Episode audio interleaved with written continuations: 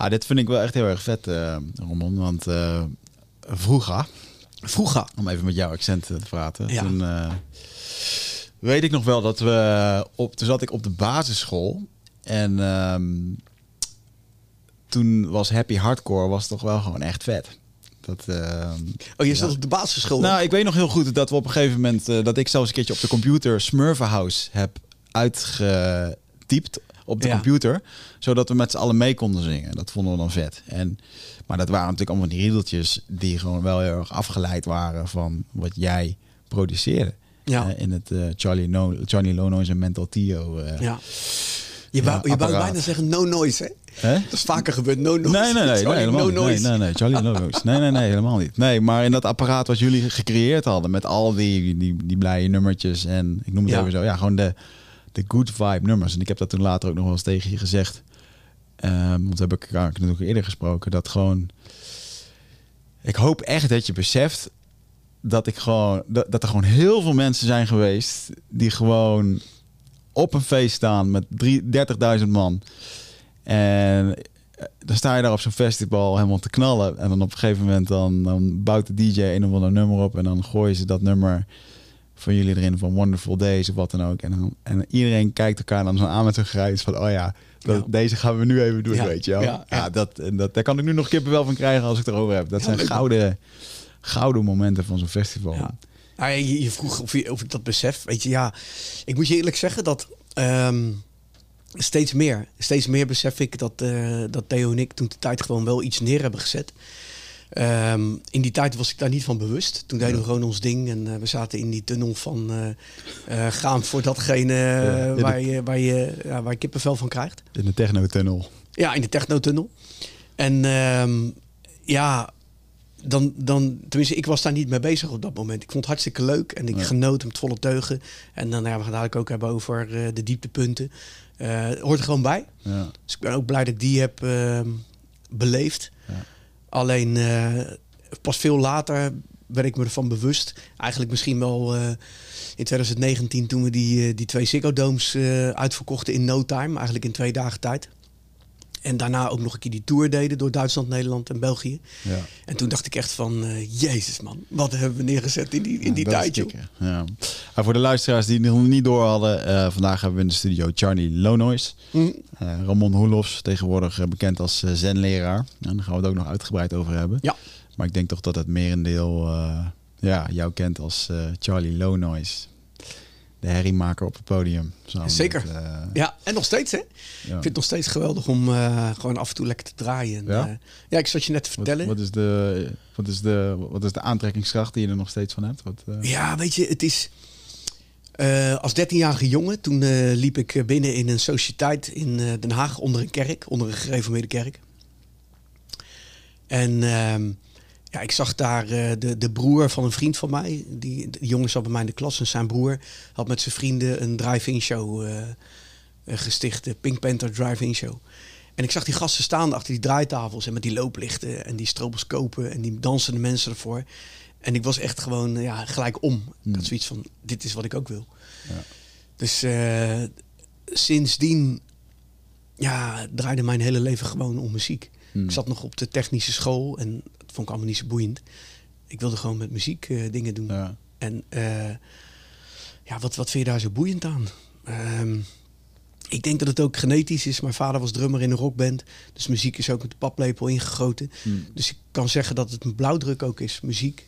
Um, maar ook wel het produceren van muziek. Dus ja. uh, ook als een soort van kluizenaar achter een computer zitten. Toen de tijd dat je de Atari ST. En um, ja, gewoon echt gewoon als een nerd. Hmm. Net zo lang doorgaan totdat je een sound creëert. En in eerste instantie was dat nog dingen namaken. Dingen van uh, eh, KLF en uh, Tony Scott. Dus van Ben Liebrand, het Rutger Kroesen. Dat waren mijn voorbeelden.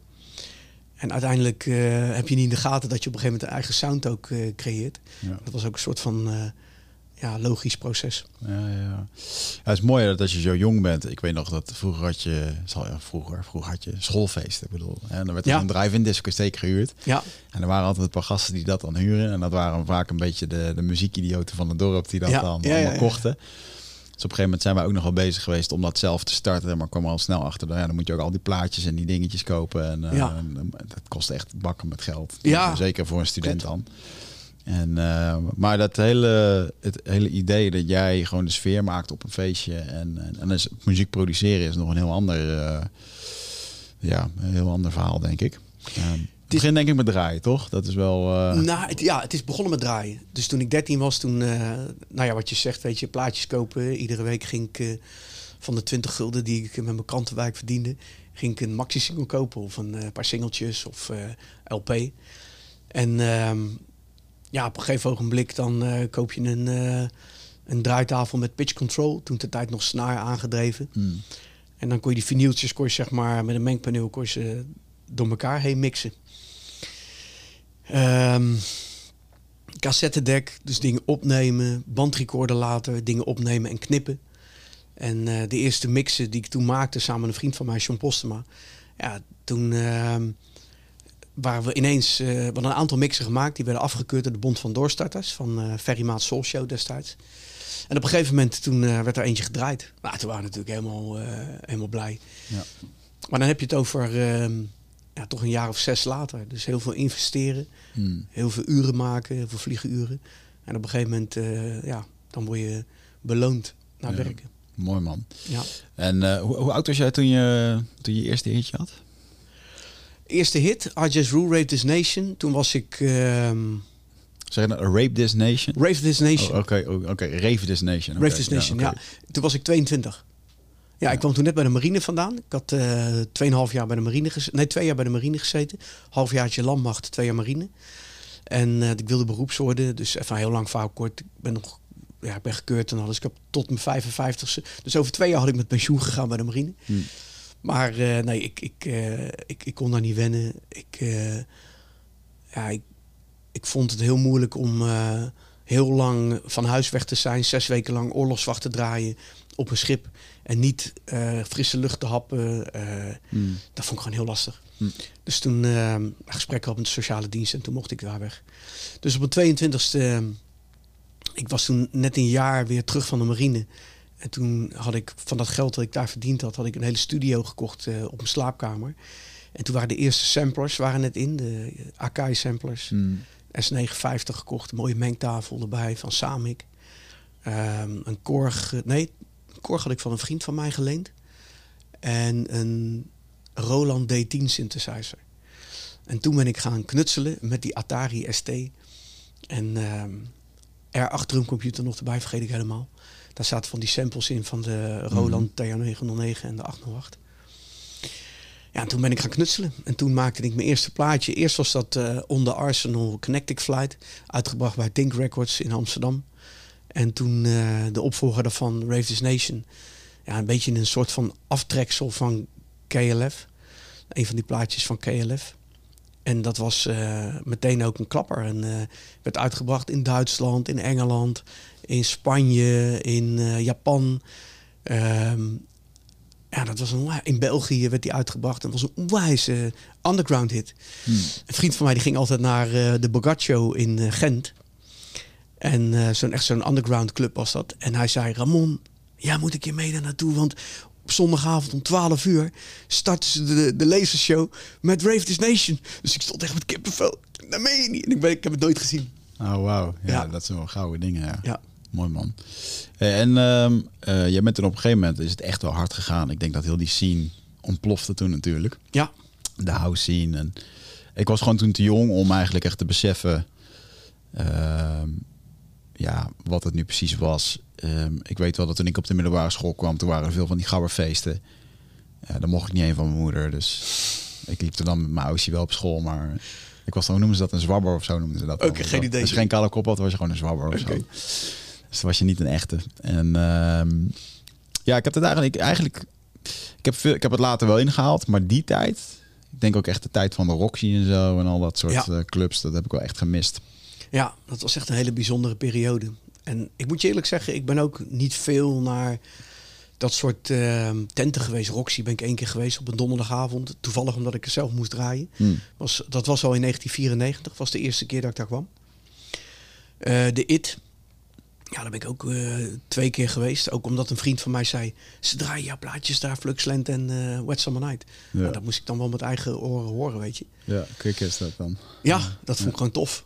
Um, maar ik zat eigenlijk liever in mijn studio of ik ging zelf draaien. Weet je, mm. als ik uh, mocht draaien, dan ging ik naar een club. En anders dan kwam ik daar gewoon niet. Ja.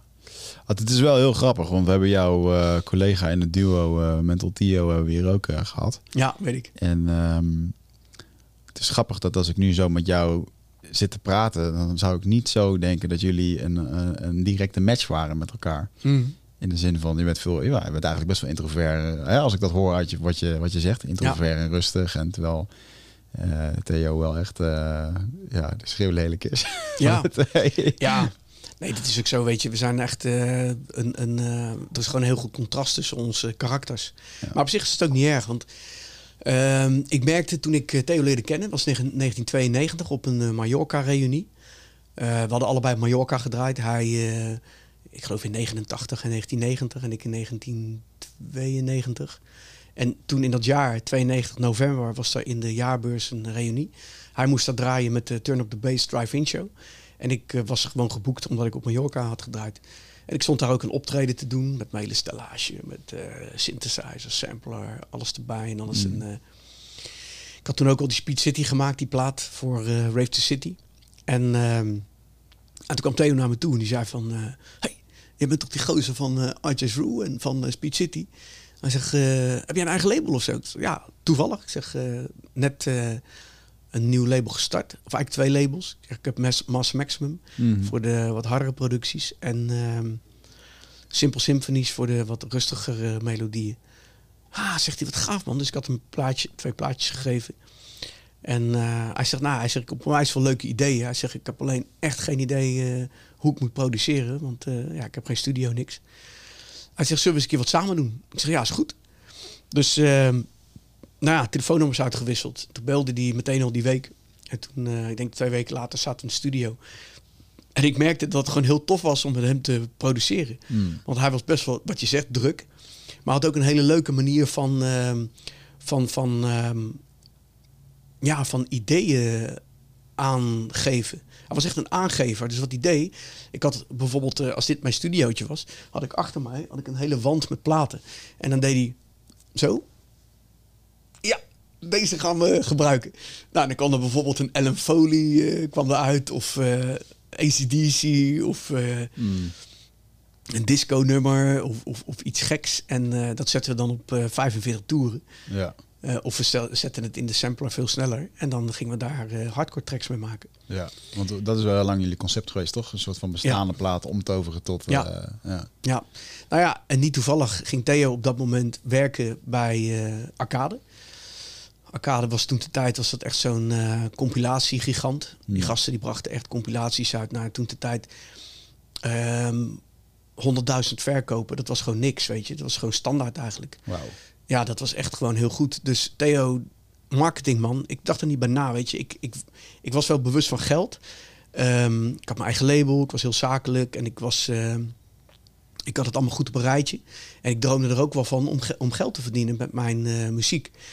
Uh, maar Theo was echt wel iemand die echt gewoon meteen dacht van boom, boom, boom. Hij zei op een gegeven moment tegen mij, hij zegt van Ramon, hij zegt we gaan samenwerken. Hij zegt van en over uh, een jaartje, dan uh, zien we elkaar gewoon ieder weekend op Schiphol. En dan gaan we gewoon de wereld over. En ik dacht van, nou ja, klinkt goed. Maar ik moet het eerst nog zien, weet je. Ja. Dus uh, hij ging bij Arcade werken en hij pleurde gewoon al die verzamelaars vol met die tracks die we maakten. Dus afrekeningen van uh, een Thunderdome die 400.000 keer verkocht in Europa. En een ehm, House Party CD waar ook vier, vijf tracks op stonden. Die ook 160.000 keer verkocht ja, via mijn Buma Stembra en via Arcade Statements. In een jaar tijd was ik gewoon financieel onafhankelijk en kon ik echt voor mezelf beginnen. Holy fuck man. Ja. Bizar. Bizar. Dus dat was echt... En ik... Het gekke was, of het leuke eigenlijk ook, het interessante. Ik had toen al eigen bedrijf, Theo nog niet. En alle contractuele zaken gingen via mij.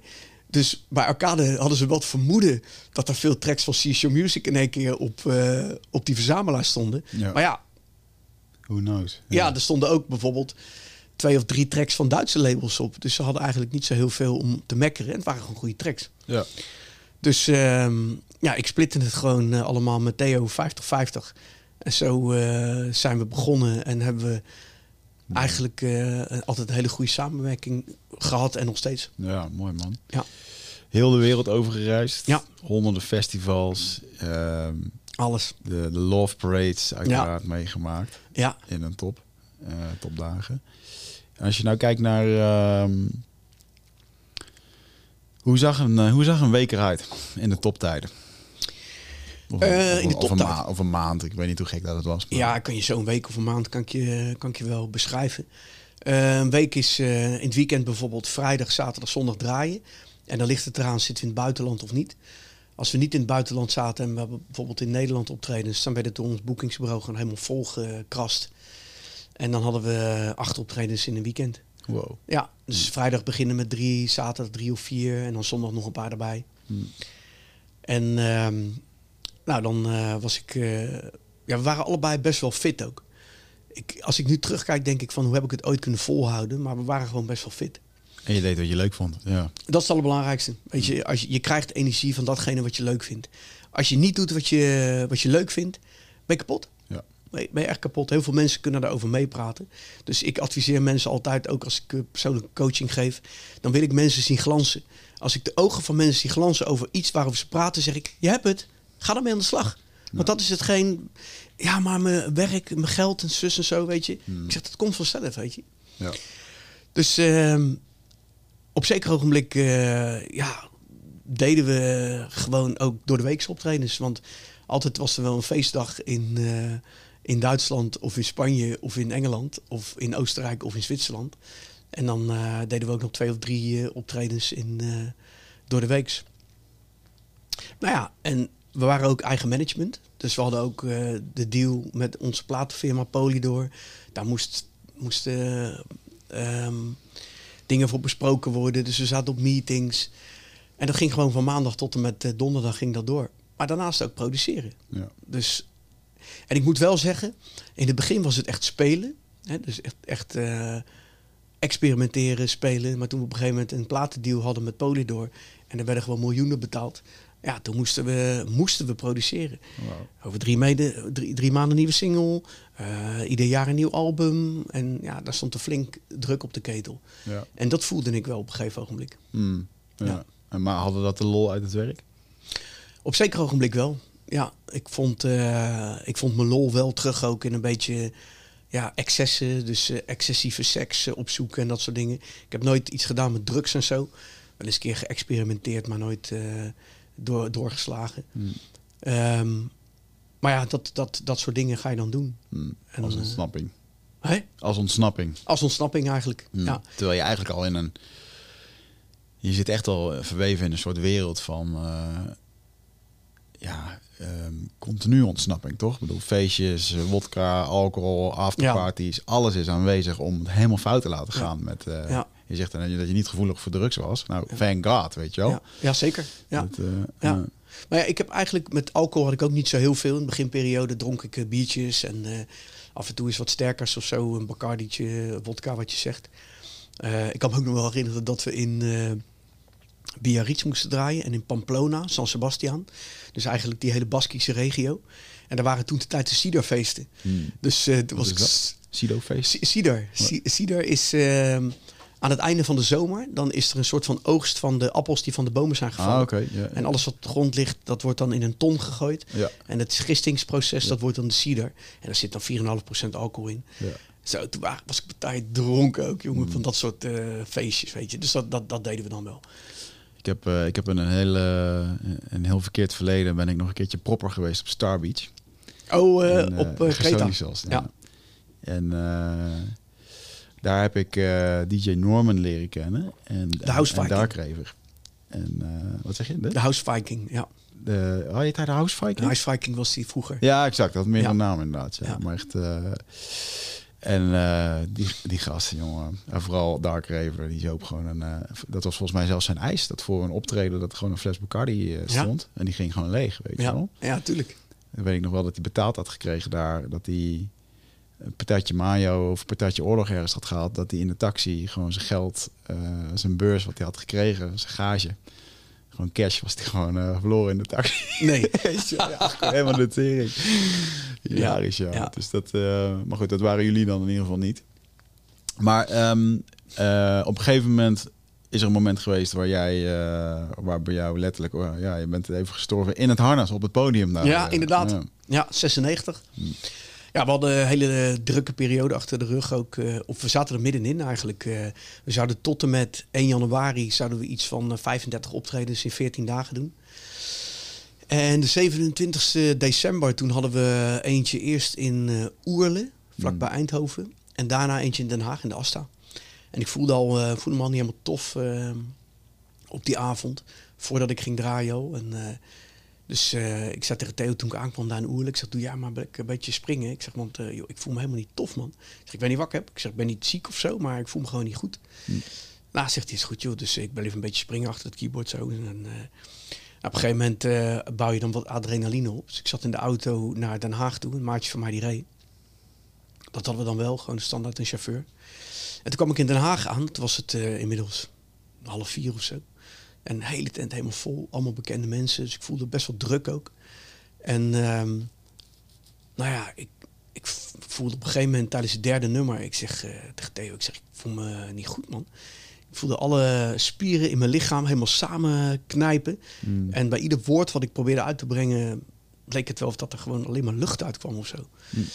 En toen... Uh, ja, ik kon niet anders dan naar de zijkant van het podium lopen. Dus uh, toen ik daar aankwam, toen stortte ik al in elkaar. En het gekke was dat ik, uh, ik lag daar ik was niet oud. Ik kon alles volgen. En ja, toen lag ik daar in een soort van uh, en ik had helemaal geen besef meer van tijd of zo. Het was gewoon eigenlijk ook een soort van euforisch moment. Want ik kan me herinneren dat er ambulancepersoneel bij kwam. Theo was erbij, mijn vriendin was erbij, Marcus was erbij, mijn broer. En uh, die ambulance die keek in mijn ogen zo en die zei van... Uh, pilletje geslikt of zo, fout pilletje. En zei mijn broer, hé hey, klootzak man, mijn broer die gebruikt geen drugs of zo, weet je. Dus, en ik liet dat allemaal over me heen komen. En ik dacht van, wauw, dat ik dit allemaal ook nog mee mag maken, weet je wel. Dus ik werd in zo'n, op een brancard gejast en die ziekenwagen in. En naar het Westeinde ziekenhuis in Den Haag. En toen zo'n dienst, toen de arts, die zei van... Hij zei, ja meneer, u bent gewoon oververmoeid. Hij zegt... Uh, dat concludeerde hij daar al eigenlijk te plekke. Ja, hij zegt, ik kan niks kan constateren. Hij zegt, je bent gewoon oververmoeid. Want ik, vertel, ik moest vertellen, weet je. Wat doe je? Wat, wat was ik op dat moment aan het doen? Hij zegt, ik kan niks anders constateren. Je bent gewoon oververmoeid. Hij zegt, wat zou je ervan denken om een tijdje vrij te nemen? Dus ik, en Theo was erbij. Ik zeg, ja, ik zeg, dat kan ik niet. Ik zeg, ik, ik ben tot en met... Uh, tot het hele jaar ben ik uitgeboekt. Uh, anderhalf jaar staan er al boekingen in het vooruitzicht. Nou ja, uh, uiteindelijk zei Theo tegen mij van... Weet je, neem gewoon een tijdje vrij. Dus ik heb, ik denk, twee weken pauze genomen. En drie weken later stond ik alweer op het podium. Maar het grappige was dat... Um, mijn broer, die zag dat. En mijn broer, die had best wel een gestructureerd leven. Die zit in de bouw, aannemer, iedere dag vroeg op. S'avonds gewoon vroeg naar zijn bedje. Maar ook vier keer in de week sporten. En die was aan het boksen. En toen zei hij van... Waarom ga je niet een keertje mee boksen? Hij zegt, ik heb het idee dat je dat nodig hebt. En toen dacht ik van... Ik, ik stond helemaal open ervoor. Ik dacht, ja, vet. Dus ik mee boksen. En ik merkte meteen na een paar weken dat ik veel hoger in mijn energie kwam. Dat ik meer zelfvertrouwen kreeg. Hmm. Dat ik voelde van uh, dat zweten en een prestatie neerzetten waar niet zoveel tegenover staat. Wat gewoon lekker losgaan is. In plaats van dat er onwijs veel van je wordt verwacht. Hmm. Dat je moet presteren. Dat was er niet bij. Het was gewoon lekker boksen. Lekker losgaan. Ja. En dat hielp me onwijs om, uh, om zeg maar die, die hele show, om dat veel beter aan te kunnen. Hmm. En was die drie weken daarna, was dat dan eigenlijk een gezonde move? Of ben je daar nog van teruggekomen? Drie weken daarna weer op het podium. Ik ben daar veel later van teruggekomen. Hmm. En niet, niet op het moment zelf, want het was uh, eh, 96. En eigenlijk pas in 2004, toen had ik weer zo'n moment. Ja. Dat ik eigenlijk alles liet vieren. En dat ik het, uh, het sporten, dat, dat uh, stond weer op een laag pitje. Hmm. Eigenlijk in die tijd, vanaf begin 97 tot en met 2002 ben ik echt wel regelmatig gaan boksen. Maar toen op een gegeven moment weer heel druk in Duitsland en over de wereldtouren met Starsplash, Deepak en Bit and Beat concept. En ja, dan staat er toch zo'n strevertje in mij op. Wat, wat, wat gaat, weet je. Ja. Ook later in de, in de wereld van meditatie ben ik ook weer het strevertje tegengekomen. En ook mezelf weer helemaal verloren in echt gewoon sessions doen als een malle. En echt gewoon, ja, hele zware meditatieweken doen. Hmm. Gewoon zwaarder of, of meer dan goed voor me is. Hmm. Ja. Waar komt dat vandaan? Ja, het is gewoon een, uh, een, een soort van bewijsdrang. En uh, gaan voor de kansen die worden geboden. En uh, everything which doesn't kill you makes you stronger, zoiets. Ja. ja. ja. En waar is dat ontstaan? Ja, ik heb het idee dat... Uh, je vast wel eens over nagedacht tijdens die ja, weken meditatie? zeker, zeker. Ik denk dat ik, dat ik altijd wel iets te bewijzen heb gehad ten opzichte van mijn vader.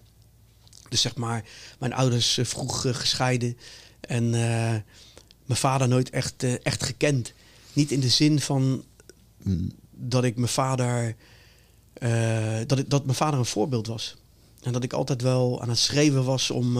zie me nou, weet je wel, zoiets. Ja. Ja, en, en dat, dat was een drijfveer om, uh, om uiteindelijk zeg maar uh, ja, te gaan streven en uh, de beste te worden op ieder vlak. Ja, mooi man. Ja. En nu ben je voornamelijk bezig met bewustzijnswording en, en zen, mm -hmm. meditatie.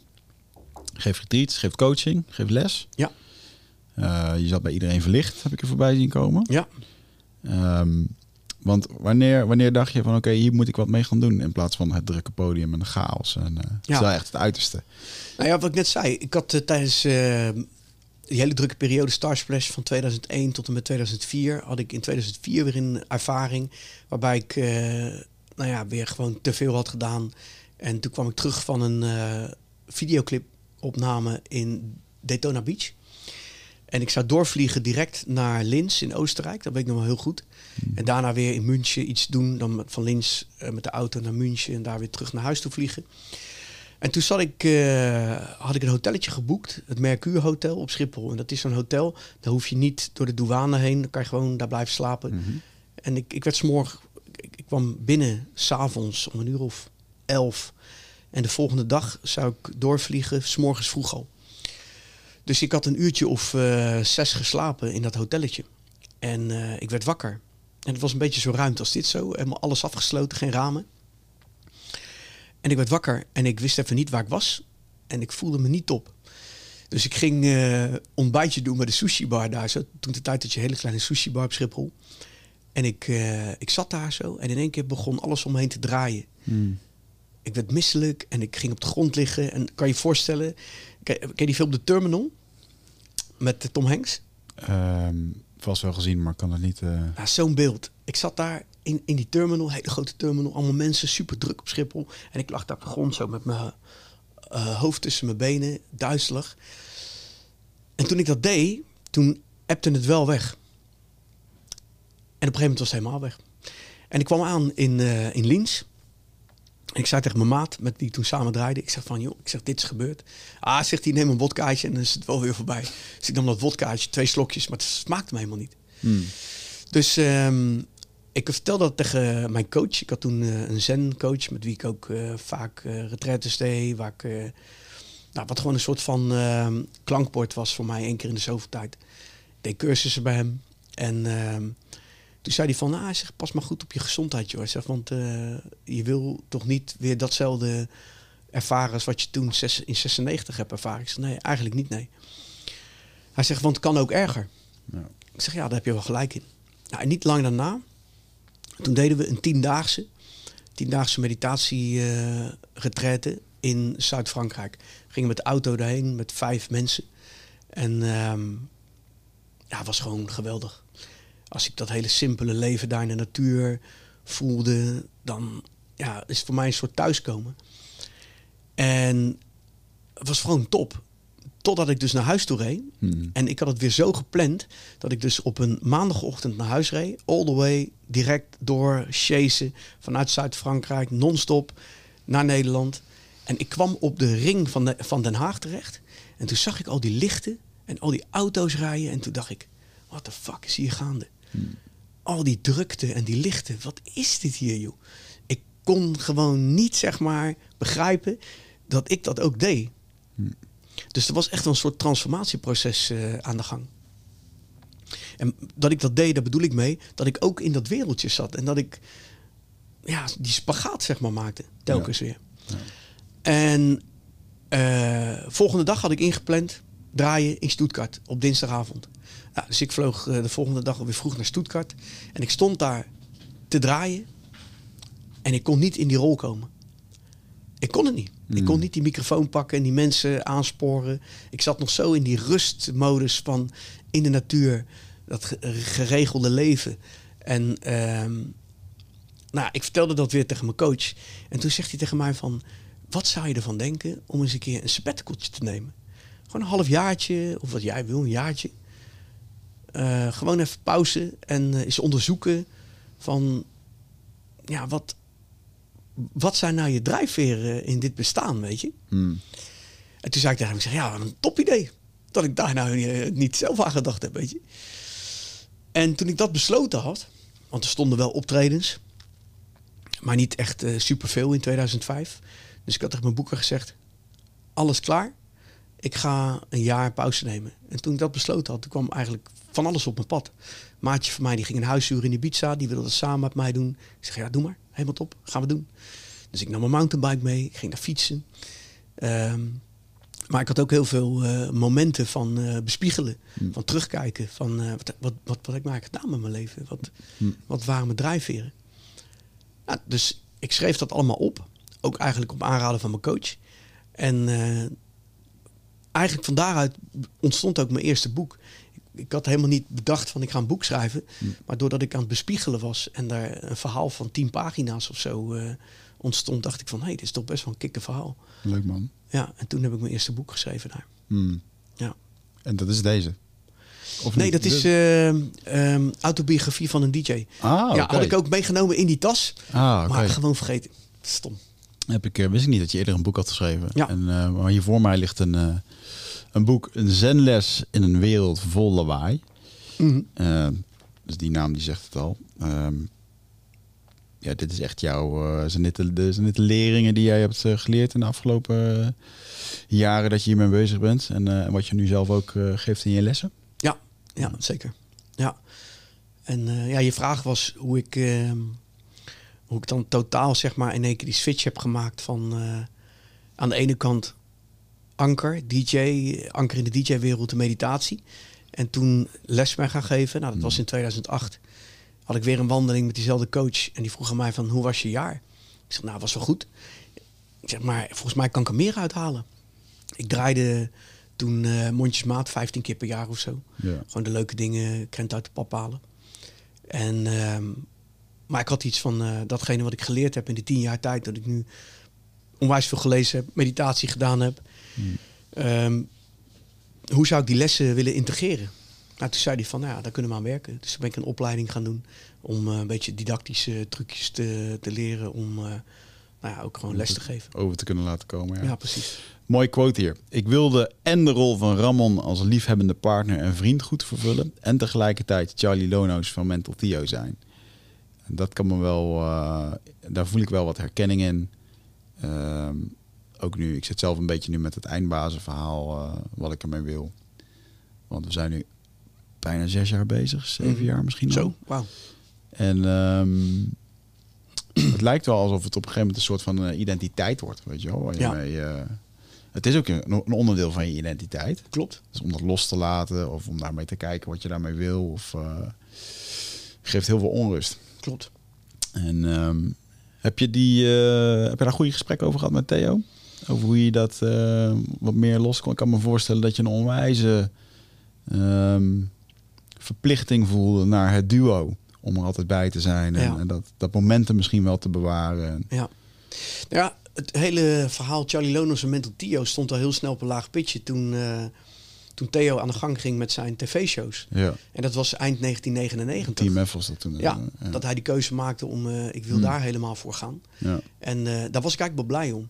Want hmm. ik was al klaar met uh, dat rennen, vliegen, vallen en weer opstaan, zeg maar. Ja. En ik was klaar ook met ja, de apenshow, met keyboards niet aangesloten staan en op zo'n zo'n podium alleen maar ja, grapjes maken en gewoon heel snel cashen. Ik, ik, ik voor mij was het, ik wilde meer, weet je, ik wilde weer de diepte ingaan. Ik wilde creativiteit. Ja. Ik ging op zoek, toen de tijd dat je de Love Parade nog in Berlijn, 2000 heb je het over, en nieuwe stromingen kwamen op. Kai Trashit, Blanken Jones, uh, Scott Project, uh, Cosmic Gate, weet je wel. Ah, ik ging daar vol in, weet je wel. Dus bij mij ging allemaal snel borrelen dat er dat ik zo'n concept wilde doen, Bitte ein Beat, samen Dennis, mijn maatje. Hmm. En uh, met Deepak ging ik die, die hardstyle, hardtrance uh, sound toen ontwikkelen. Ja, mooi. Dus dat was, dat was voor mij, toen leefde ik weer op. Toen gingen mijn ogen weer stralen, weet je. Maar je zegt de apenshow, dan, want dat is, ik, ehm, voor mij is dat nog een beetje een soort onbekende wereld. Maar al die live shows, um, jullie staan inderdaad altijd bekend als het springende stel en te, te schreeuwen en iedereen op te jutten. Uh, maar begrijp ik het dan goed dat er eigenlijk gewoon een CD wordt afgedraaid op de, op de achtergrond? Nou ja, we hebben toen de tijd, uh, toen, we, toen we met die optredens door het hele land heen gingen, of eh, door heel Europa eigenlijk. Toen was het vaak dat we gewoon twee van die keyboards niet aangesloten hadden, of wel aangesloten, maar ja, we, deden er niks mee.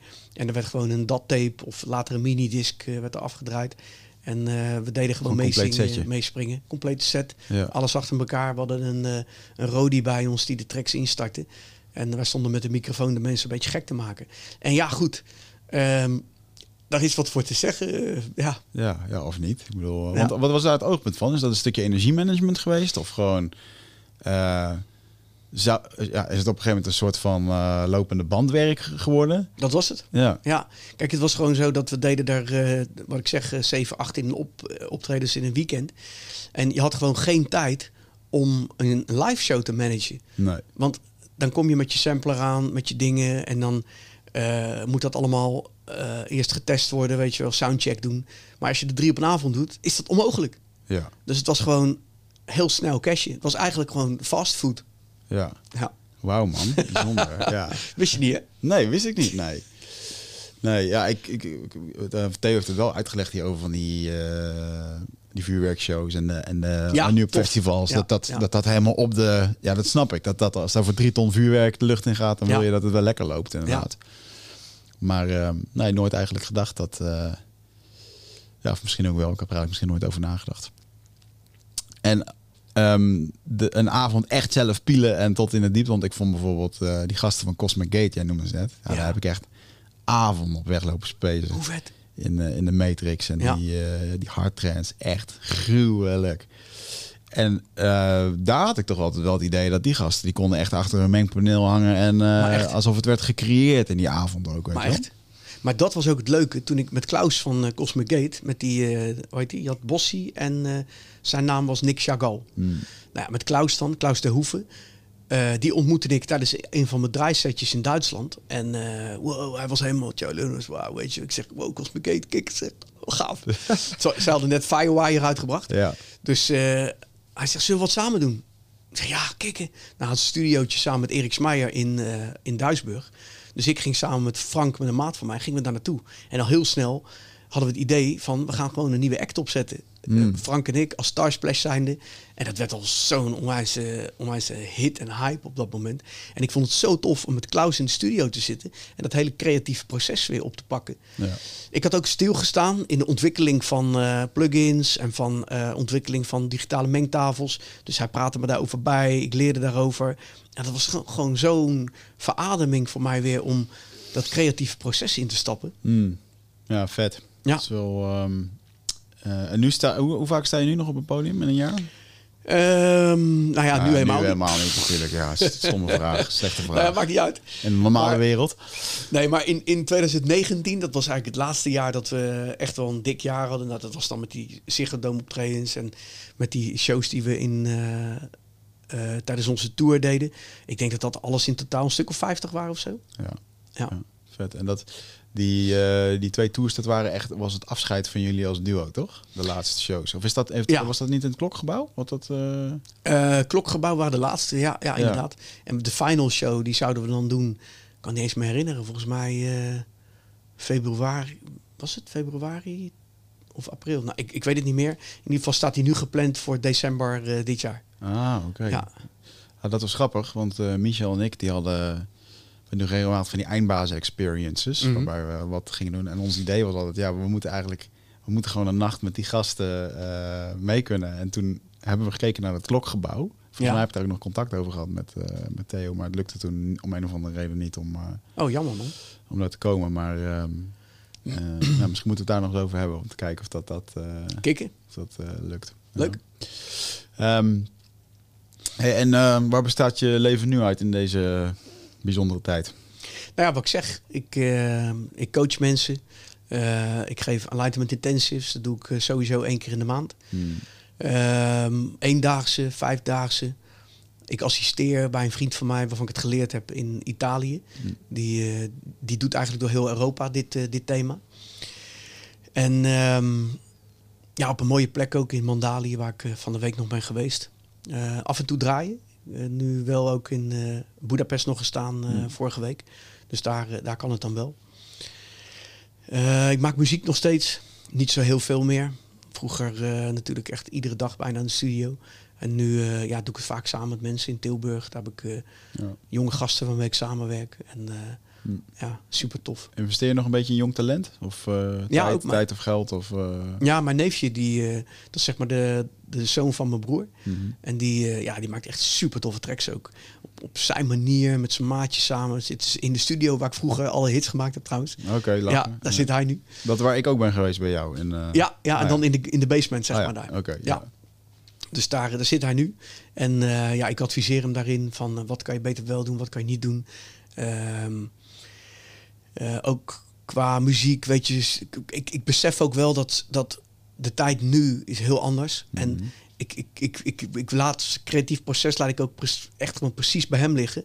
En soms zegt hij wat verder van. Ik zeg, ja, ik vind het gewoon vet. Ik zeg, maar ik zou het, het arrangement misschien even net iets veranderen. Of de zang even iets vetter in de mix neerleggen. Dus puur hmm. gewoon wat kleine aanwijzingen. Maar doe ook vooral wat je zelf wil. Want uh, alleen de, de, de, rebellen, die zetten gewoon iets vets neer, weet je. Dus uh, doe gewoon wat je zelf voelt. Ja. Is het lastiger om nu... Uh in deze tijd uh, te produceren, om, om door te breken. Ik kan me voorstellen dat er zoveel content ja. online gepompt wordt. Zeker. En, iedereen ontdekt te worden. En.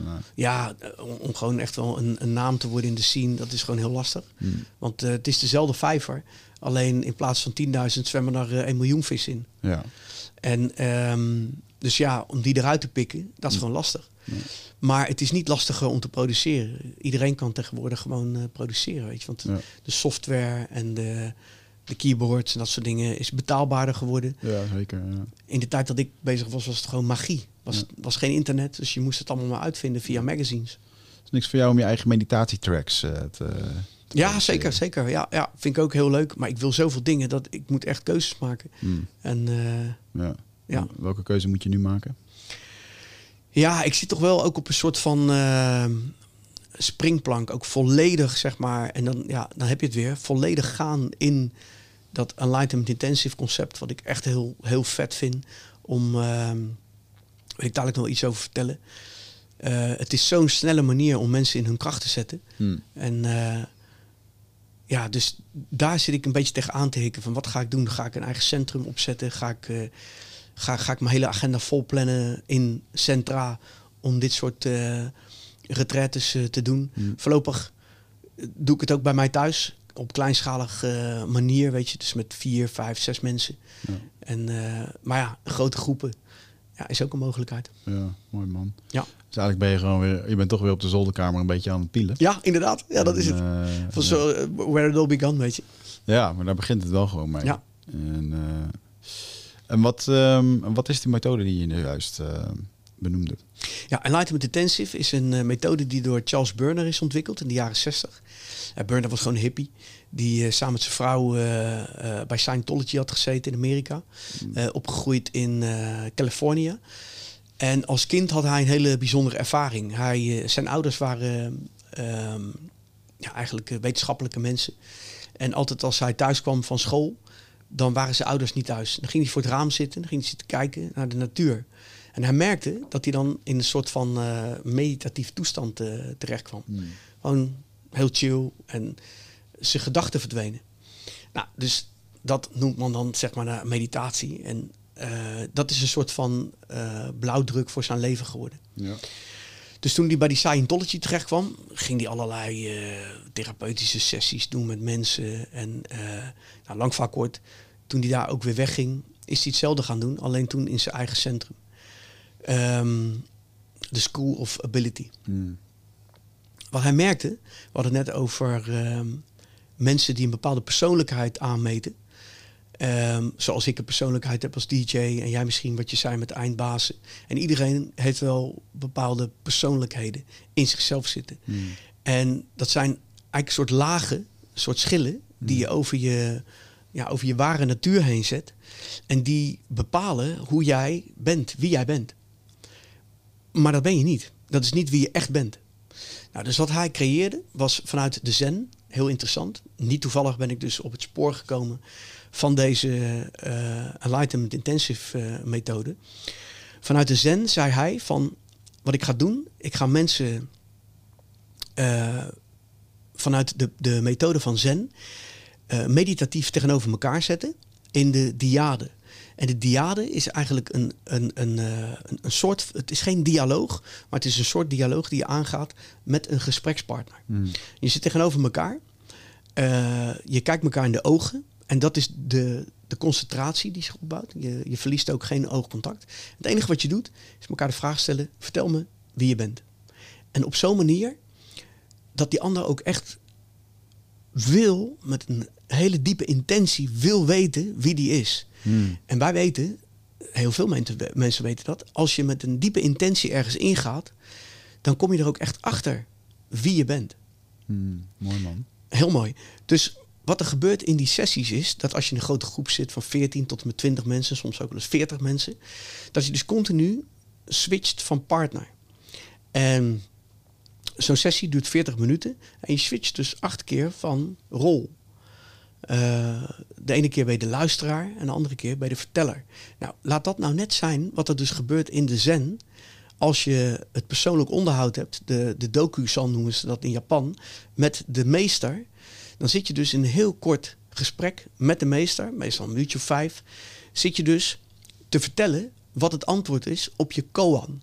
En de koan komt uit de zen en dat is een, een, een uh, vraag die je met je ratio niet kan beantwoorden. Hele beroemde koan luidt, uh, je kent het geluid van twee klappende handen, maar wat is nou het geluid van één klappende hand? Hmm. Of uh, vertel me wat je ware gezicht is, het gezicht dat je had ver voordat je ouders werden geboren. Daar ga je op zitten. Nou, wij werken in de Enlightenment Intensive in eerste instantie met de vraag: wie ben ik? Vertel me wie je bent. Die vraag die beantwoord je, beantwoord je in uh, drie keer 24 uur. Dus je bent alleen maar bezig met die vraag. Wow. En dat is een onwijs proces. En toen ik dat deed met Wouter samen, met Wouter Vecchio, uh, voor de eerste keer in 2017 was het volgens mij, eind 2017 was voor mij mind-blowing. Het was voor mij het laatste puzzelstukje, of niet het laatste puzzelstukje, dat weet ik nooit natuurlijk, maar in ieder geval een puzzelstukje, wat voor mij miste in mijn uh, eh, 16 jaar zenbeoefening. Hmm.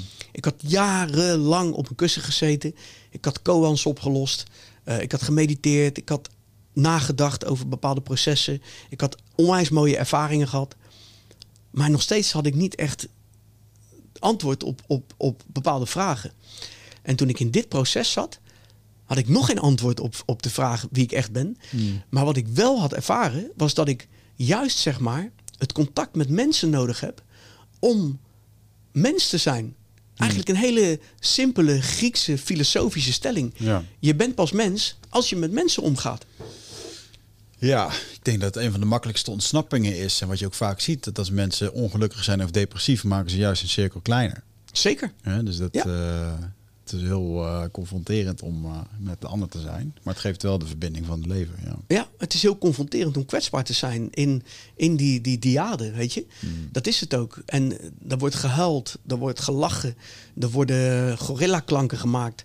Um, er, is een, in, er is een intense stilte ook tussen mensen. Ja. Maar juist van contact, zeg maar, met wat ik altijd noem die, die Boeddha-natuur die in ons zit, of die Krishna, of die, die, die Christusruimte, of hoe je het ook wil noemen, laten we er ook maar beter geen naam aan geven. Maar juist zeg maar die energie die in ons beiden zit, ja, dat is die energie waar je contact mee maakt. En dat gaat buiten alle bagage, buiten alle conditioneringen, uh, ver weg van de persoonlijkheid die je eigenlijk bent. Maar ja, ik denk dat je het zelf hebt ervaren ook in de, in de jungle. Weet niet. Ik weet niet wat ik heb ervaren ten opzichte van de duizend mogelijkheden die er zijn. Weet je wel, ik heb... Ja moest lachen. Afgelopen weekend heb ik een ayahuasca sessie gedaan met, uh, met een paar indianen die hier waren, van die stam waar ik ook ben geweest. Mhm. En uh, er lag een eindbazenluisteraar uh, langs mij. Oh, echt waar? lachen man. Super droog, echt. tegenwoordig uh, moet er wel om lachen. Um, ik heb het natuurlijk zelf gecreëerd. Maar ja, um, iedereen die een beetje in de materie zit, die, die heeft dat boek gelezen of die heeft de podcast geluisterd. Dus dan, dan kom ik eraan en dan uh, stel ik me voor, mensen stellen zich voor en dan na vijf minuten dan ja, zeggen ze toch een soort van ja, maar ik ken jou lang, weet je ook. Weet Leuk. dat is echt heel grappig. Vet toch? Dus anoniem kotsen in Nederland zit er niet meer bij voor mij. maar, uh, maar dat was wel heel grappig dat uh, hij wilde op een gegeven moment zijn plantmedicijn rappen. Hij, zo, hij had, had, ja, had het heel erg moeilijk op een gegeven moment zei hij van, als ik dan die rap, heen neem, verlengt het dat niet? Ja, ik zeg, dat is echt één van de miljoenen opties die er is. Weet je. Het is gewoon nooit hetzelfde. Dus, uh, uh, en wederom heb ik nu ook weer uh, hele helende ervaringen gehad. En ehm, je had het net over intentie, dat was wel mooi. Ik zat er zelf ook voor wat inspiratie voor een nieuw boek. En ik wil graag een soort meditations boek schrijven, zoals Marcus Aurelius dat heeft gedaan. Gewoon korte stukjes om over na te denken. Dus niet uh, de meditatie zelf. En, uh, en, en één, um, één ding wat daarbij kwam was gewoon intentie. Mm. Gewoon alles wat je doet, met welke intentie doe je het? Ja. En dan de, de intentie van, uh, hè, van wat je diep van binnen wil met je ziel, maar ook gewoon de intentie qua kracht wat erachter zit. Of, ja, of hoe, dat ik, hoe dat ik iets tegen je zeg, hoe dat ik tegen je praat, hoe dat je dingen opschrijft. Het is, ja. het is zo. Het is allemaal energie. Absoluut. Ja. En um, ja, dat vond ik wel een hele, hele sterke daarin. Ja. ja. interessant man. Ik wil het wel eens een keertje ervaren. Cool. Nou ja, wat je zegt, eh, niet meer anoniem uh, kotsen. Nou ja, dit is niet meer anoniem huilen of uh, ja. anoniem uh, vertellen over, je, ja. over wat je bezighoudt in het leven. Ja. En dat met mensen doen die, nou ja, wat je zegt, misschien ook wel fan waren vroeger. En, nou, ik vind het wel mooi. Ja, precies. Ik vind het wel mooi in de zin van uh, doe zelf op mijn retreats veel dynamische meditaties. Dus gewoon veel bewegen. Mhm. En dat is voor mensen die veel in hun hoofd zitten, is dat verschrikkelijk. Uh, of is dat juist heerlijk, wou ik zeggen? Heerlijk. Is dat juist heerlijk? Uh, maar als ik zo hoor van ja, gewoon een beetje, en dat klinkt even ondermiedig, een beetje, maar met volle bewustzijn ergens over praten. En mhm. ja, dat klinkt wel als iets, ah, wel interessant, weet je wel? Ja, is het. Mooi. Ja, en het is ook een soort van in de groep waarin je zit is ook een soort snelkookpan waarin die vraag zeg maar wordt herhaald, continu herhaald. En als deelnemer komt zeg maar de vraag 120 keer voorbij tijdens drie dagen. Ja. Dus dat is natuurlijk veel meer als dat je bijvoorbeeld de vraag op uh, antwoord op een koan uh, in, in, een, uh, in een tempel bij zo'n zo'n meester voorbij hoort komen, wat misschien maar 14 keer in een week is. Ja. Dus het is echt gewoon een proces waar je in gaat, waarin je continu op het scherpst van de snede wordt bevraagd. Niet door een meester, maar door uh, ja. 13 meesters, waarmee je een groep van 14 mensen zeg maar, samen uh, zit. En die, en die, triggeren allemaal op een bepaalde manier waardoor je er anders over gaat denken. Of Precies, ja. Dus en, en dat is natuurlijk een interessante vraag. Heb je, als ik jou dan nu vraag wie ben jij, heb je dan voor jezelf daar een, een antwoord op wat, wat nu geldt? Of is dat alleen in dat moment? Of hoe? Ja, het, is, het, het verandert ook telkens. Kijk, wie ik echt ten diepste ben, dat, dat weet ik ook niet. Dat, die vraag kan ik echt niet beantwoorden. Maar ik kan je wel ehm, antwoorden geven die in mij op zijn gekomen en die op dit moment opkomen. Op dit moment voel ik zeg maar in mijn lichaam, voel ik doordat ik aan het vertellen ben, de resonantie van mijn stem. Hmm. En de resonantie van mijn stem, het lichaam als klankkast, voel ik echt eigenlijk een soortzelfde ervaring die ik had tijdens de ayahuasca-sessie die ik gedaan heb. Dat er enorm veel trilt in mijn lichaam. Ja. Dat is wat ik nu voel. Dat echt dat, dat zoomen, weet je wel, wat, wat in mijn lichaam zoomt. En dat is wat ik nu voel. Ja. Dus ik je weet ook wat er net in jouw glas zat, hè? Toch, hè? Toch, man. Standaard grap bij iedere gast. Leuk. Mooi. Ja, joh, maar dat is wat ik, wat ik nu... Weet je, ik ben nu die hogere frequentie, zeg maar. Uh, ja. ja. Ah, interessant, ja. ja. het is nooit één, uh, één antwoord. Dat, uh, ik heb het wel eens in een mushroom trip gevraagd. Wie ben ik? En toen verander je in de paddenstoel. Nou ja, grappig dat je dat zegt. Echt, ik, ik, ik, ik, was gewoon onderdeel van de aarde. En ik werd helemaal door de aarde heen getrokken. En toen, uh, op dat moment was het gewoon, uh, ja, toch shamaan. Vet. Ja, en uh, dat is natuurlijk wel gewoon een, pad wat ik wil bewandelen. Ja. Ehm, maar gewoon, ja, ja in, in de diepste. Als je dan vraagt wat wil je later worden, dan, dan is dat het, weet je wel. Cool. Dus als je nu kijkt naar... Um, dan moet ik het even goed verwoorden. Um, als je die meditatie doet en je krijgt die vraag 114, 114 keer, hoe lang duurt dan een gesprek wat je dan daarover hebt? 4,5 minuten. 4,5 minuten, dat is best wel lang. Ja, het lijkt lang. In eerste instantie uh, lijkt het lang. En dat is het ook wel als je de eerste keer uh, zeg maar die vraag gaat beantwoorden. Mm. Um, maar uiteindelijk uh, ja, mm. Kom je ook in een soort flow waarin je, waarin je het zo fijn vindt om telkens weer in die diade te gaan. En dan kom je in een soort flow terecht. Mm. En dan, dan, dan, dan komt ook echt gewoon de, ja, de krijger in jezelf naar boven. Of de leeuw, weet je. Of, of, of, ja, of het kind, het kwetsbare kind. Mooi. Ja. Dus je hebt veel heling ervaren in die absoluut. Eh, sessies. Ja, ja, absoluut. En doe je, dat, doe je dat zelf nog steeds heel veel of geef je het nu liever? Uh, beide. Ja. ja, ik heb nu besloten. Ik had in uh, Mandali laatst had ik weer geassisteerd. Had ik dat proces weer vanaf de buitenkant bekeken.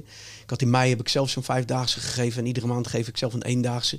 En in Mandali heb ik besloten in uh, februari ga ik zelf weer een vijfdaagse doen. Mooi. Wat ik zelf ook weer fijn vind om ja. dat proces te ondergaan en ook weer te leren. Heel tof. Ja, ja mooi man. Hey, en um, wat, is de, wat is het favoriete, favoriete hoofdstuk uit je boek? Uh, Jorsmaal. Gaat over? Dat gaat over uh, een duikje in de zee, vooral. Hmm.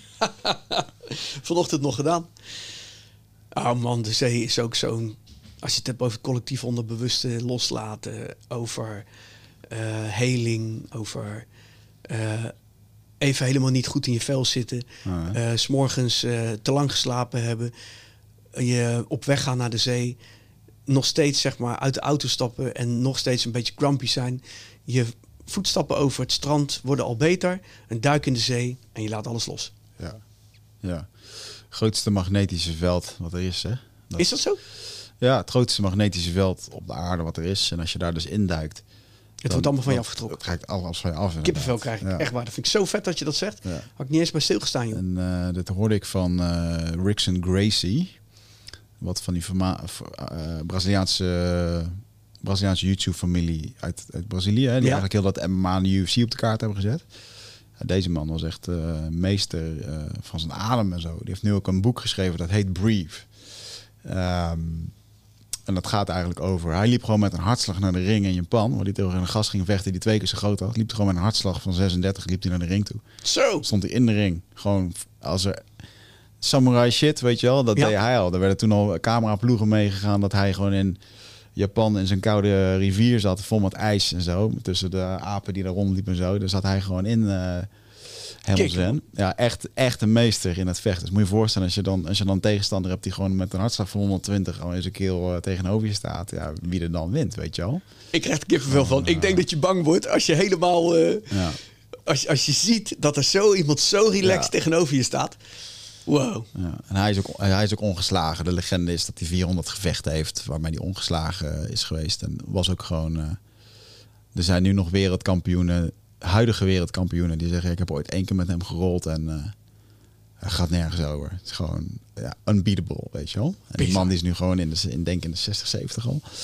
Maar dat, um, ja, die heeft ook, uh, die ging vaak surfen. In, uh, in Baja da Tijuca in Rio de Janeiro. Mm. En, uh, daar heb ik dat wel eens gezien dat hij dat, dat zei. En ik herken het zelf ook wel veel golfsurfen. Dan, ja, als er ergens je hoofd leeg van raakt. Dan, ja, dat is het. Ja. ja, het is echt gewoon, nou ja, ja, dan valt me ook wel weer een kwartje dan op de, op de plek, denk ik. Want ik had ooit een keer gelezen dat uh, Shinto-priesters in Japan... Mm. Uh, je, hebt, je, hebt, twee uh, soorten religie. De ene Zen, de andere Shinto. Shinto is wel een van de grootste. En um, Shinto-priesters die moeten voor hun opleiding... moeten ze twee jaar lang, iedere dag... s morgens de zee in om zes uur. Mm. Dus je kan wel vatten nu waarom dat is. Ja. Want er komt natuurlijk op een gegeven moment in je... Als je priester wordt, komt er onwijs op je af. Ja, ik denk uh, priesters. Wie vertelde dat hier nog wel eens? Een spiritueel leraar. Um, Al Al Altazar Rositer. Mhm. Die, uh, die had het erover dat hij op een gegeven moment in een kerk zat. Waar hij wel was, hij was bezig met mediteren. Mm en op een gegeven moment ging hij met iemand mee naar de kerk. En er was dan een soort van verlichte priester die daar zou zijn. En ja. Hij vond het allemaal niks. Hij begon gewoon te, te mediteren om, om de tijd voorbij te laten gaan. En uh, schijnbaar liep die priester bij hem voorbij en die deed iets bij hem, een soort zegening, waardoor hij helemaal openbrak. Echt? Ja, en, en, dat was eigenlijk voor het eerst dat ik besefte, wauw, ja, ik ga dan wel niet shaman in de jungle, maar eigenlijk heeft een priester nu gewoon eenzelfde soort functie, weet je wel. Ook, ook gewoon een energiewerker. En ja. Um, ik denk dat wij, ik denk dat het beeld vandaag de dag van religie gewoon niet meer zo heel positief is daarin. Um, maar als het echt gaat over een luisterend oor, uh, advies geven. Zeker. En wauw, dat is echt wel, uh, dat moet je allemaal verwerken ja, ook in maar je zeker, systeem. dat is het. Want ja, als ik gesprek heb met mensen ook, sommige dingen die uh, denk ik van wow, oké. Okay. En dan, nou ja, een duikje in de zee en dan heb je het over gehad. Ja. Maar het gekke is, het zit wel in een laadje. En als het op een gegeven moment, als ik een volgende keer met zo'n persoon zit, dan kan ik het laadje opentrekken en dan kijk ik op een hele andere manier naar. Mm, ja, interessant.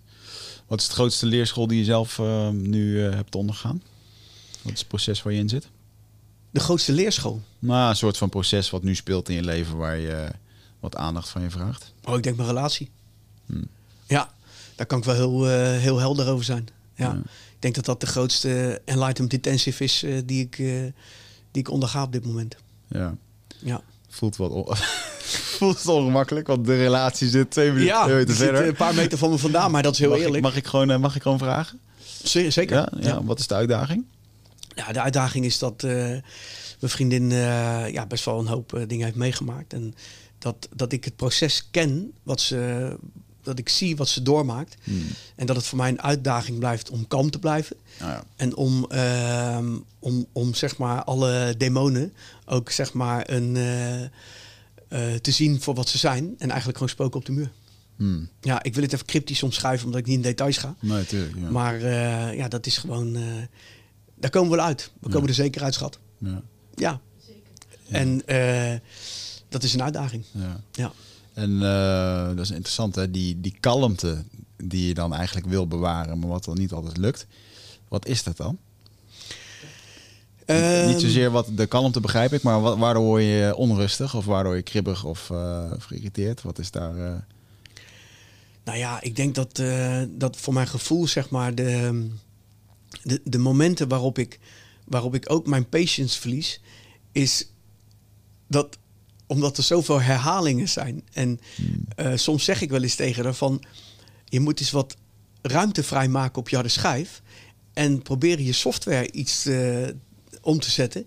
om datgene wat ik zeg een plekje te geven. Mm. Want dan hoeven we het ook niet zo vaak meer erover te hebben. Mm. Ja, en soms word ik er wel eens boos om. En word ik er wel eens verdrietig over. Of uh, kan ik wel eens in een, uh, niet echt in driftbuien schieten. Maar kan ook wel eens, uh, ja, ik heb één keer, één keer volgens mij, hè, dat ik een beetje driftig werd in de auto. Maar ik kan me wel beheersen. Dat is interessant, die driftbuien. Ik heb onlangs van mijn vriendin te horen gekregen. of tenminste, daar ga ik wat aan doen. Um, dat ik kan echt, echt best wel driftig worden in de in de auto, als, het, als er iets niet lekker in de energie tussen ons hangt, mm -hmm. dan, uh, en dan ga ik gewoon agressiever rijden. Niet als een idioot, maar ja. it's there, weet je wel. En, en waar ik het ook altijd heb, is op het moment als wij op vakantie gaan, op een vliegveld. Ja. Dan, uh, ik weet niet zo goed hoe dat ik het dan moet bestellen, maar dan kan ik echt uh, tot in mijn tenen geïrriteerd raken oh, als het niet snel genoeg gaat of uh, uh, ja. En dan voel ik een bepaalde, ja, weet ik niet, ja, nou gewoon echt, echt gruwelijke irritatie. Tot dan moet het eigenlijk gewoon even op mijn manier gaan. Ik weet niet wat het is met reizen of met ja, dus dat, uh, dat, is, dat ligt nog eventjes bij mij om nog binnenkort te gaan onderzoeken met een, uh, met een relatietherapeut. Ja, nou, ik, ik, ik ken het, herken het wel. Bij mij uit het niet zo in, in driftbuien, maar het is meer ook een soort van onmacht die ik vaak voel. Omdat bij mijn vriendin uh, meestal s'nachts de dingen omhoog komen. Ah, ja. En ik herken het, want in de nacht, dat is ook wel, dus noem het ook wel de, de goddess hour, ergens tussen half twee en, en half vier. Dat zijn van die momenten waarin uh, het onderbewuste gewoon op een, of eigenlijk het bewuste, dus de denkende mind, die staat op een heel laag pitje. Mm. En datgene wat, wat ruimte nodig heeft, komt omhoog. Ja. En meditatie is een hele goede tool, zeg maar, om datgene wat omhoog komt, om dat ook een plek te geven. Dus we hebben nu afgesproken samen dat het is vannacht nog niet gelukt. Maar we hebben afgesproken dat mochten de dingen omhoog komen en die, uh, ja, die, gewoon, nou ja, die gewoon lastig zijn, voor mm. mij ook, omdat ik er wakker van word. En omdat ik dan zeg van, joh, zullen we dat morgen bespreken? Maar ja, dan komt het niet naar voren, want dan zullen we dan gaan mediteren. Want ik heb, we hebben het een paar keer gedaan en dat werkt. Hmm. Gewoon midden in de nacht gaan we zitten op het kussentje en dan laten we gewoon dat alles mag er zijn. En ja, ik herken het van mijn eigen sessies, ook de moeilijkheden die ik tegenkwam tijdens de vele uren die ik gezeten heb. Dat je zit echt met je eigen shit. Ja. En uh, het is een spiegel die je voorkrijgt. De meditatie, de zazen zoals ze het noemen, is gewoon echt een spiegel. En dat in het proces van, van de Enlightenment Intensive is de persoon tegenover je de spiegel. Hmm. En die vraag, wie ben, wie ben ik nou eigenlijk, is de spiegel. Want alles komt omhoog. Alles wat, wat, wat, wat je dwars zit en waar je mee zit, met, in je relatie, maar ook met, met je werk. En uh, de grootste geheimen die je hebt ten opzichte van de wereld, die deel je met die mensen. Hmm dat is echt uh, heel bijzonder. Ja, zonder, zonder dat je het weet, zit je denk ik allerlei dingen te vertellen die je nog nooit verteld hebt. Ja, ja, ja dat is mooi. Ja, ja en dat, uh, ik ken het wel dat uh, ook als mijn dochter, als die bijvoorbeeld ziek is, dan ehm, ontstaat er bij mij eenzelfde vorm van irritatie. En dat heeft inderdaad te maken met een stukje controle. In één keer geen controle kunnen hebben over iets waarvoor je wil zorgen of zo. Hè? Dus als mijn vriendin bijvoorbeeld ziek is, ja. dan ehm, uh, dan kan ik daar zelfs ook nog wel eens kribbig naar reageren. Of niet helemaal aanwezig willen zijn. Of uh, niet er even in willen dat iemand gewoon even aan het lijden is. Ja. En dan krijg ik inderdaad wel eens de, de neiging om dan mezelf maar een beetje daarvan af te sluiten. Of, uh... Die vat ik heel goed, maar daar heb ik geen last van. Want als mensen lijden, dan staat bij mij een hele, dosis, hele grote dosis mededogen op. Hmm. En ik, dit klinkt heel gek wat ik zeg, maar doordat ik zelf veel geleden heb, ook uh, vroeger in mijn jeugd, maar ook op het kussen, mezelf tot het uiterste drijven als de DJ, met betrekking tot de meditatie. Want mm. zie ik pijn ook, zeg maar, als pijn. Ja. Of het psychische pijn is of lichamelijke pijn. Pijn zie ik als pijn. Mm. En ik herken dat met mensen. En daarom kan ik ook heel goed mensen begeleiden die in pijn zitten heel gek ook. Mensen die met stervenden zitten, komen ook naar mij toe of ik nog eens met ze wil praten of die stervende zijn en zo. En dat vind ik heel mooi. Mooi man. Daar kan ik heel, uh, ik, ik voel het ook hier, nu. Moet ik even, even doorademen, anders mm. ga ik huilen. Mm. Maar dat voel ik. Mooi man. Ja. ja dat is heel waardevol. Het is interessant hè, dat uh, iedereen zou eigenlijk wel eens een keer een gesprek moeten hebben met een stervend, stervend iemand. Echt. Gewoon... Uh, Heel nederig. Ik heb het zelf niet, uh, nooit zo direct gehad. Ik heb wel een keertje een afscheidsgesprek gehad met een vriend van mij die er een eind aan probeerde te maken. Dat was echt wel heel heftig, maar een van de beste gesprekken die we hebben gehad. Gelukkig heeft hij het uiteindelijk niet gedaan. Um, en ik heb een keer een gesprek gehad met mijn, met mijn oma, wetende dat ik waarschijnlijk, ik merkte in dat gesprek dat ze in één keer vijf keer dingen aan het herhalen was. En dat, wauw, echt dementie, weet je wel. Dus toen heb ik voor mezelf echt de deal gemaakt. Ik ga nu hier alles met haar bespreken wat ik, wat ik gewoon altijd had willen weten. We doen er drieënhalf uur zitten kletsen of zo. Mooi. Het gesprek heb ik nog opgenomen op mijn telefoon stiekem. En ehm, dat ik gewoon naar buiten liep, dat het gewoon goed zou zijn als ze morgen zou wegvallen. Mooi. En, uh, en dat is ook vrij snel, uh, vrij kort daarna is dat ook, toen ook gebeurd.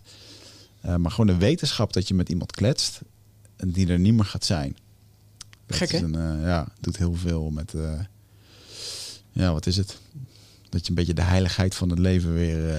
Maar dat is het. Ik heb zelf heb ik ook punt gestaan om ideeën gehad van voor mij hoeft het niet meer gek genoeg was dat in de periode dat ik echt heel veel mediteerde en dat ik een eigen school had. En dat ik dacht dat ik op die manier gelukkig zou zijn. Maar ik heb ook momenten gehad ik dacht van nou, als het morgen voorbij is, weet je, dan is het uh, prima zo. Ja. Maar er is ook een onwijze switch in gekomen. En dat was tijdens die, die tweede Enlightenment Intensive die ik had. Waarin ik een ervaring had die ik uh, ja, niet zo snel zal vergeten. En waarin ik toch wel zeg maar de, de ja, ik, ik noem het altijd maar de observer heb gezien. En dat, dat, die, dat, dat die observer, dat dat één is met de hele kosmos. Met mm. alles, alles wat er bestaat. En vanaf dat moment weet ik ook dat de dood een illusie is. Dat, dat dit gewoon wat wij zien hier, zeg maar, dit hele toneelstuk, dat het een, een, een, um, eigenlijk een droom is. Dat we hmm. eigenlijk wat we zien is door onze maatschappij en door het systeem waarin we zitten geprojecteerd. En we leren het zo. We leren zien dat Wiggertje, uh, Charlientje, ik ben even zijn naam vergeten, Ramonnetje. Ja, dat het allemaal poppetjes zijn. Maar dat het eigenlijk allemaal energie is. Hmm. En, en uh, dat het leven overal is. Overal. In iedere uithoek van het universum. En dat juist zeg maar het leven zo mooi is. En dat er een eind aan maken helemaal geen zin heeft. Nee. Want als het je tijd is, dan ga je vanzelf wel. Ja. Dus leef dat leven en geniet ervan. Geniet met volle teugen, weet je. Want het is, het is maar kort, heel kort. Ja. Echt gewoon knipoog van Brahman noemen ze het wel in de, in de Veda's. Maar geniet, weet je, en, en leef. Dat is belangrijk. Ja. ja, en je doet uh, één keer in je leven je ogen dicht. En één keer in je leven je ogen... Uh, of tenminste, je doet één keer in je leven doe je ogen dicht. Je wordt nooit meer wakker. Maar er is ook een eerste keer dat je je ogen open doet. En dat is ook echt een hele vage trip. Ja. dus dit, uh, Adam Watts die heeft hier een heel mooi betoog over. ja. De, de, dood. Maar goed. Mooi man. Ja. Ik um, wil je bedanken dat je hier, uh, hier was. Is het alweer tijd om? Ik, ik weet niet hoe lang. Snel gegaan, man. Wat hebben we gekletst? Is het, uh, ah, dan kunnen we nog wel even doorkletsen. Ik zou denk dat we tegen kwart voor vijf aan zaten. Oh, Oké, okay, dat geeft niet zo. Nee, dan gaan we nog gewoon nog lekker door. Oh. Ja, nee. Ik moet nog wel even een glaasje water pakken. Ja, dan mag dat gewoon in de show. Doe nog, ja, tuurlijk. Ja, ja. Doe jij nog wat? Nee, ik ben helemaal oké. Ja. Wow, man. Ik denk echt dat we anderhalf uur aan het kletsen waren. Even kijken. Ik ga gewoon even iets uit je boek pakken. Ja. Dat vind ik altijd leuk. Om dan gewoon eens even iets te pakken. Deze is mooi, ja. Spiritueel lijken. Dat is wel een hippe term tegenwoordig. Spiritueel lijken. Het is een, het is een hip, hip gebeuren om spiritueel te zijn. Ja. En wat me daar heel erg bij... Uh, volgens mij had jij dat een keer opgezocht, Jabo. Dat ging over een of ander artikel van uh, allemaal van die yoga chicks, gezond eten, vegan, maar wel in het weekend flink aan de koken en uh, weet je wel. yoga snuivers, ja, en dan, en, dan, en dan niet beseffen dat het hele diepe besef, en dan heb je het natuurlijk nu over drugs, weet ik nog wel een keer dat uh, ik, heb veel ik heb wel drugs, veel drugs gebruikt. Mhm. En op een gegeven moment ehm, heb ik het daar eens met een shamaan over gehad, Gino uit Peru. En die zei toen ook van ja, wat, je niet, wat mensen niet beseffen is dat je eigenlijk gewoon heel de energie van heel de weg wat dat product aflegt. Met alle moord en afzetting en pers en uh, geld en bullshit, onzin die erin gaat. Ja, dat snuif je gewoon recht je geest in, weet je wel. Het is, ja. gewoon, het is gewoon niet oké. Zo dan. En, uh, en dus dan zijn we hier allemaal vegan en afval aan het scheiden en doen. Maar ondertussen zit je inderdaad wel gewoon rotzooi op te snuiven. Wat die hele weg heeft afgelegd. Ja. En, en waar misschien nog wel mensen onvermoord zijn, weet je wel. Ja. dat is wel echt een... ja, dus wat is jouw visie op spiritueel lijken? Of, of, of heb je, ben je daar zelf ook in getrapt? Want ik heb dat zelf ook uh, ervaren, dat ik heel wijs spirituele lessen aan het verkondigen was, maar ze nog niet kon beoefenen, zeg maar. Nou ja, als je, als je daarover hebt, dan, dan uh, moet ik ook zeg maar hand in eigen boezem steken. Dan denk ik ook bij mezelf van, kijk, ik, ik wil... Ten eerste wil ik geen oordeel bij, bij mensen neerleggen. En ik wil mezelf ook niet veroordelen. Maar als ik kijk naar mezelf, zeg ik ook van ja, uh, je bent onwetend.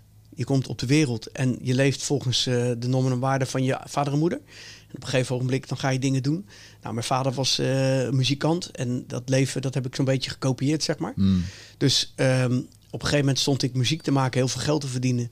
Um, en te tegelijkertijd zat ik uh, te mediteren op mijn kussentje. Um, maar ja, er waren ook mensen die op mijn muziek zeg maar stonden te knallen, drugs aan het gebruiken waren. En dus dat, dat, daar is ook een soort van wrijving tussen die twee werelden. Dus ik begrijp zeg maar, die uitspraak begrijp ik zeker. En um, kijk ik ook goed naar mezelf. En dan zeg ik, maar ja, aan de andere kant, we zijn ook allemaal in ontwikkeling. Mm. Uh, ik heb, voor mezelf heb ik twee dingen heb ik extreem gedaan heel extreem in de DJ-wereld gedoken en in de muziek. Echt gewoon volledig erin gegaan. maximum power. Op een gegeven moment, na 2005, na mijn sabbatical, ben ik die opleiding gaan doen. En toen heb ik op een gegeven moment een eigen school gehad. Toen ben ik vol maximum power in die wereld van de meditatie gedoken. Ja. En in beide werelden werd ik niet echt vrolijk. Als, als ik er helemaal in ging. Dat extreme, weet je. Dus voor mij bestaat het uit de middenweg. Hmm. En op een gegeven moment las ik ook een, een stuk van, van de Boeddha. Die schijnt ooit gezegd te hebben van... Ja, extreme, daar word je niet happy van. Zoek gewoon de middenweg in het leven. Ja. Ver van de extreme. Ja, het is een lastige, hè, dat als je 150% ergens ingaat, dan word je een heel erg eendimensionaal wezen. En, Zeker. En om die top DJ te worden, dan moet je dat doen. Om die top uh, wiskundige professor te worden, dan moet je, ja, om die Einstein te worden, dan moet je heel eendimensionaal erin zijn. En ik denk dat dat voor, uh, uh, om de standaard omhoog te brengen over, over die hele specifieke niches, hè, bijvoorbeeld het DJ'en of, of wiskunde of wetenschap of wat dan ook, dan zijn die mensen ook nodig. Maar um, als het ene 150 is, ja, dan kan je de rest ook niet, niet daarbij hebben. Dus ik denk dat het merendeel beter gebaat is bij de vijf dingen in je leven, je relatie, je gezondheid en uh, je werk. Dat het, dat het 80% is. Zeker. Dat je daar gelukkiger van wordt dan uh, dat hele indimensionale. Zeker, geloof ik ook. Waar ik zelf ook wel, uh, ik vind het ook wel lekker om er helemaal in te bijten en ja, dat te doen. Ehm, ja, maar qua gezondheid en geluk Nee, geloof ik ook niet. Is dat niet, nee. Spirituele deken, die zie je ook al veel hè, dan, bij mensen. Wat dan een soort van, ja, um, de... Um, uiteindelijk is natuurlijk de spirituele beoefening is het dagelijkse werk. Ja. ja. Uh, wat zou je mensen mee willen geven die uh, beginnend zijn met spiritualiteit? Um, beginnend zijn met spiritualiteit. Die het aan het ontdekken zijn. Um, ja, ik denk dat het, dat het goed is. Kijk, een, een, als, je, als je op zoek bent naar iets wat uh, spiritueel is, wat is dan spiritualiteit? Hè? Um, voor mij is spiritualiteit is ook meer kwaliteit in je leven leggen. Ja. Dat is wat voor mij spiritualiteit is. Dus um, als je heel extreem, vaak mensen die bij mij komen, die zijn he heel extreem bezig hebben, laatst sprak ik nog een, een, man die zei van joh, ik ken iemand en die maakt 100 urige werkweken. Toen dacht ik zo, wow. Hij hmm. zegt, die zou wel eens een keertje met je willen praten. Ik zei, nou, dat is prima. Heeft hij er dus tijd voor dan? Ja, dat, dat, dat vroeg ik mezelf dus ook af inderdaad. Ja. Dus mensen die, die spiritueel willen zijn. Voor mij kan spiritueel zijn, kan ook uh, af en toe een wandeling in de duinen zijn. Ja. Of een, uh, een, een, een uh, crossfit sessie in het bos. Hmm. Weet je? Um, dus voel goed wat je, wat je nodig hebt. Toen ik oud ging op de bühne, ben ik gaan boksen. Ja. Voor mij is dat spirituele beoefening. Die adem, dat veel uitademen en weinig inademen. Dat je echt dus die longen volledig uitademt met alle detox wat erin zit. Dus dat is voor mij ook een spirituele beoefening. Ja. En ik ben helemaal happy als ik zo'n boksessie uh, achter de rug heb. Ja, dus um, uiteindelijk komt datgene wel op je pad wat, wat voor jou, zeg maar, spiritueel is. Ja. Whatever it may be. Of dat nou uh, Ashtanga yoga is, een tijdje lekker boksen, uh, een sigaretje roken uh, aan, de zee, aan de zee en zien hoe de zon ondergaat. Ja. Dat kan ook heel goed. Ja. ja, dat is mooi. Het is mooi om het niet zo te vast te definiëren Wel, wat nee. goed of fout is. En, ja. Wat, wat, is het, en, wat is voor jou een van de meest, voor mijzelf, is naar de sterren kijken, vind ik echt een, vind ik het mooiste. Leuk een van de mooiste dingen is. Ja, Gewoon naar de sterren kijken. Ja. Denk daar maar eens over na, weet je wel. Waar we echt geen kont van begrijpen. Dan hangt er echt, uh, ik geloof dat er al twintig jaar een of andere deeltjesopvanger boven een of ander satellietstation hangt. Mm -hmm. En die heeft echt 0,2 procent uh, tastbaar materiaal heeft die opge, opgezogen. En de rest is gewoon, noemen ze dan black matter. Oftewel kunnen we niet definiëren. definiëren weet je Bizar, hè? Ja, dus dat... Uh, dat zijn wel van, oh ja, deep shit. Ja, maar dat, dat wat, wat was je vraag? Ja, wat, wat is voor jou een hele simpele manier om eventjes met dat, dat grotere te connecten? Ja, voor mij is de adem is, uh, heel simpel. Dat is een van de eerste dingen die mij te binnen schiet. Hm. Ik geef dan ook yogalesjes en ik zeg altijd tegen de mensen... het maakt geen fuck uit of je niet in die houding kan staan, zitten of liggen of wat dan ook. Connect gewoon met je adem als je dadelijk de deur uitstapt en je bent ontspannen en je hebt het gevoel dat die bovenkamer wat minder aan het ratelen is, dan is er al heel veel gebeurd. Ja. En als je het dan over het grote mysterie hebt. Nou ja, ik was uh, begin 2020 een maand in Indonesië. En dan was ik daar op een van de eilanden van uh, Papua-Indonesië, in Raja Ampat.